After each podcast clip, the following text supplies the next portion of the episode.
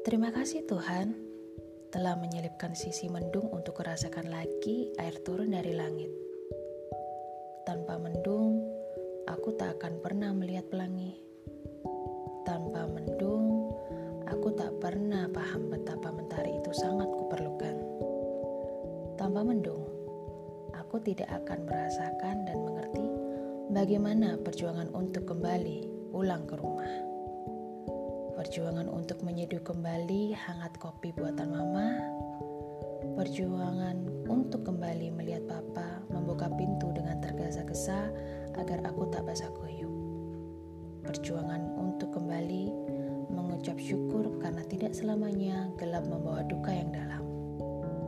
Ada satu hal terkecil yang mampu menjelma menjadi indah bila aku lihat, dengar, dan rasa. Betapa mendung membuat dorongan untuk aku segera berjuang berjuang pulang, berjuang bersabar, berjuang.